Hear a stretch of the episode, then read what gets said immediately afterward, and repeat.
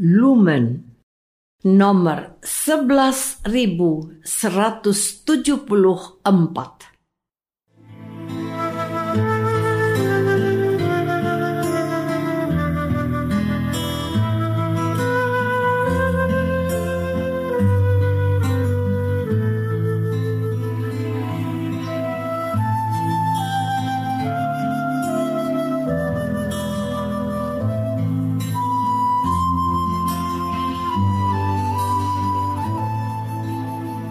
Saudara pendengar di segenap penjuru tanah air, selamat bergabung dengan Lumen Indonesia. Lumen Indonesia siap melayani Anda setiap hari. Saudara terkasih, marilah kita bersatu dalam Tuhan kita Yesus Kristus yang tidak berubah dahulu, sekarang, dan selama-lamanya. Allah Sang Maha Rahim mengasihi dan menerima sebagaimana adanya kita Allah Bapa kita di surga senantiasa bersedia menolong, menghibur, dan meneguhkan kita dalam menghadapi segala permasalahan hidup sehari-hari.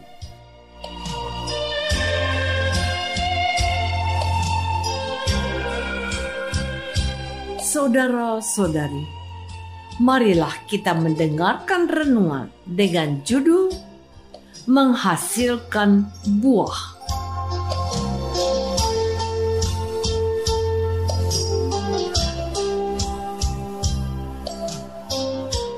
Yang berdasarkan pada Injil Matius bab 21 ayat 33a dan 45. Yesus berkata, Dengarkanlah suatu perumpamaan yang lain. Sebab itu aku berkata kepadamu bahwa kerajaan Allah akan diambil daripadamu dan akan diberikan kepada suatu bangsa yang akan menghasilkan buah kerajaan itu.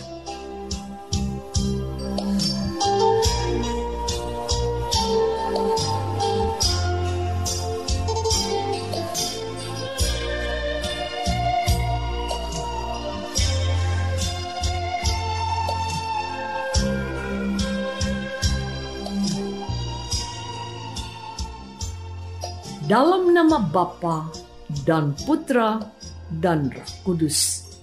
Amin. Saudara-saudari terkasih dalam nama Tuhan Yesus Kristus.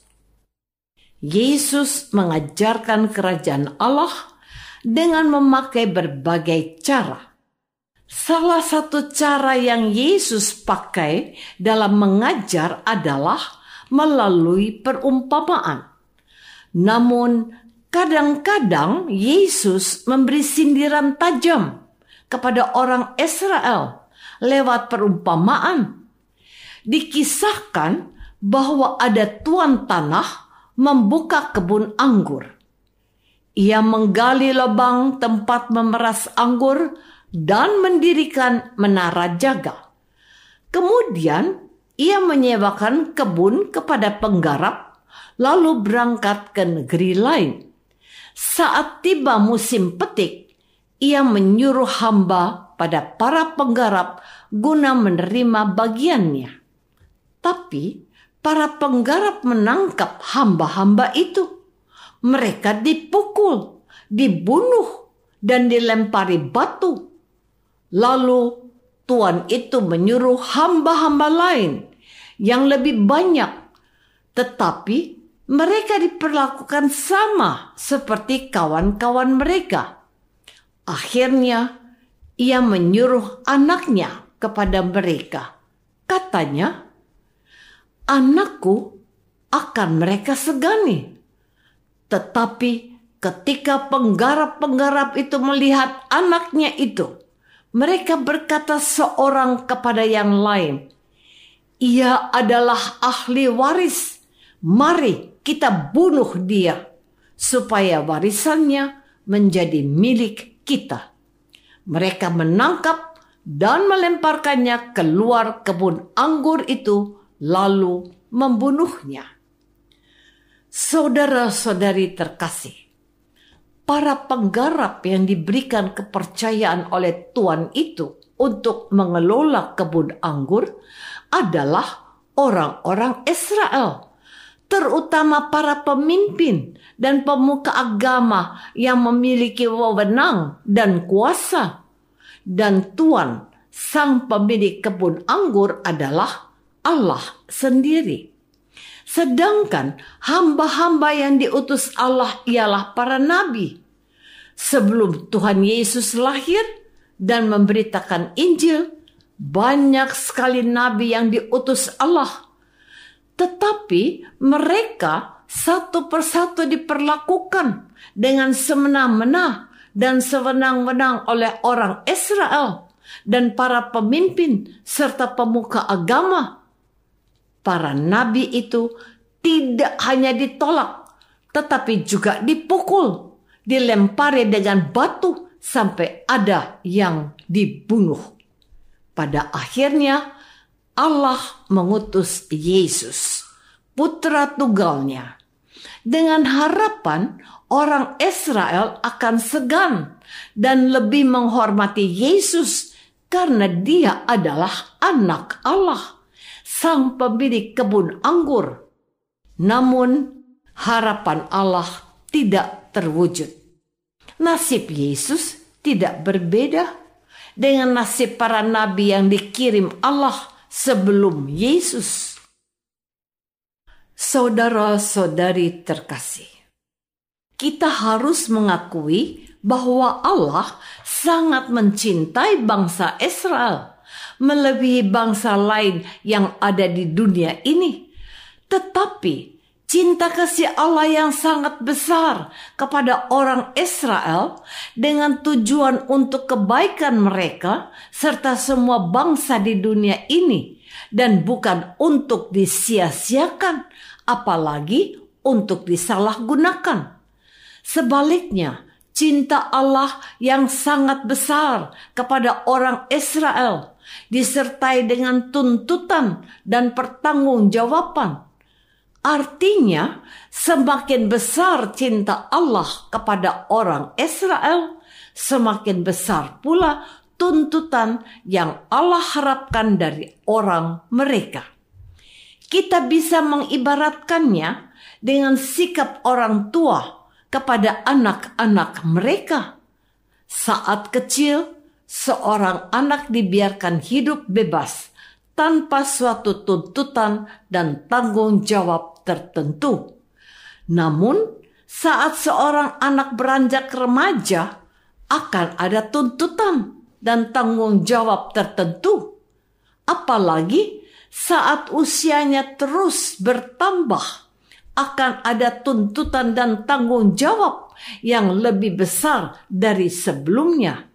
Dengan kata lain, seseorang tidak hanya dituntut untuk bertumbuh dari segi badan, tetapi juga mampu menghasilkan buah-buah. Buah-buah yang dihasilkan berupa kebaikan, kesabaran, kemurahan, sampai kesetiaan berkorban. Saudara-saudari terkasih, Melalui sengsara dan wafat Yesus, kita mengetahui bahwa Allah tidak hanya mengasihi bangsa Israel, tetapi juga mengasihi semua umat manusia, termasuk kita, umat Kristiani. Dengan demikian, dari setiap pribadi kita masing-masing akan dituntut suatu pertanggungjawaban kita akan dinilai apakah hidup kita sudah menghasilkan buah dengan cara membuat hidup kita berguna dan bermanfaat bagi sesama kita dan Allah meminta pertanggungjawaban kepada semua orang tanpa terkecuali. Kita pun bisa melihat bahwa bangsa Israel saja yang menjadi bangsa pilihan bangsa kesayangan Allah telah dicampakkan Allah, apalagi hidup kita yang sesungguhnya mendapat kasih Allah karena ketegaran hati bangsa Israel. maka kita semua, umat Katolik dan Kristen, hendaknya sadar bahwa kita pun akan dicampakkan oleh Allah. Jikalau kehidupan kita tidak berbuah, tidak memberikan manfaat yang nyata bagi sesama, kehidupan yang berbuah diawali dengan sebuah pertobatan yang lahir dari dalam diri manusia dan bukan paksaan dari orang lain. Tanpa pertobatan seseorang tidak mungkin menghasilkan buah yang baik bagi sesama.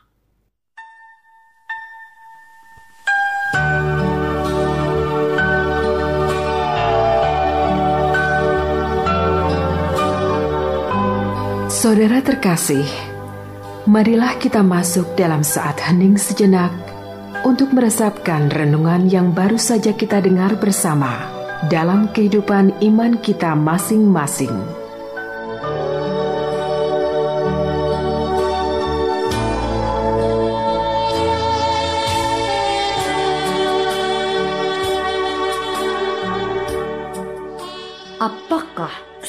Selama ini hidup kita sudah menghasilkan buah dengan memberikan manfaat dan kegunaan yang nyata bagi sesama kita? Marilah kita berdoa. Tuhan Yesus Kristus, Engkau mencintai kami, sekaligus mengharapkan kami dapat menghasilkan buah-buah yang baik dengan hidup bermurah hati tidak mementingkan diri sendiri dan rela berkorban. Semoga rahmatmu menolong kami untuk bertanggung jawab dan setia dalam tugas kami. Doa ini kami persembahkan dalam nama Yesus, Tuhan dan pengantara kami. Amin. Semoga kita semua selalu dinaungi dan dibimbing oleh berkat Allah yang Maha Kuasa, Bapa dan Putra dan Roh Kudus. Amin.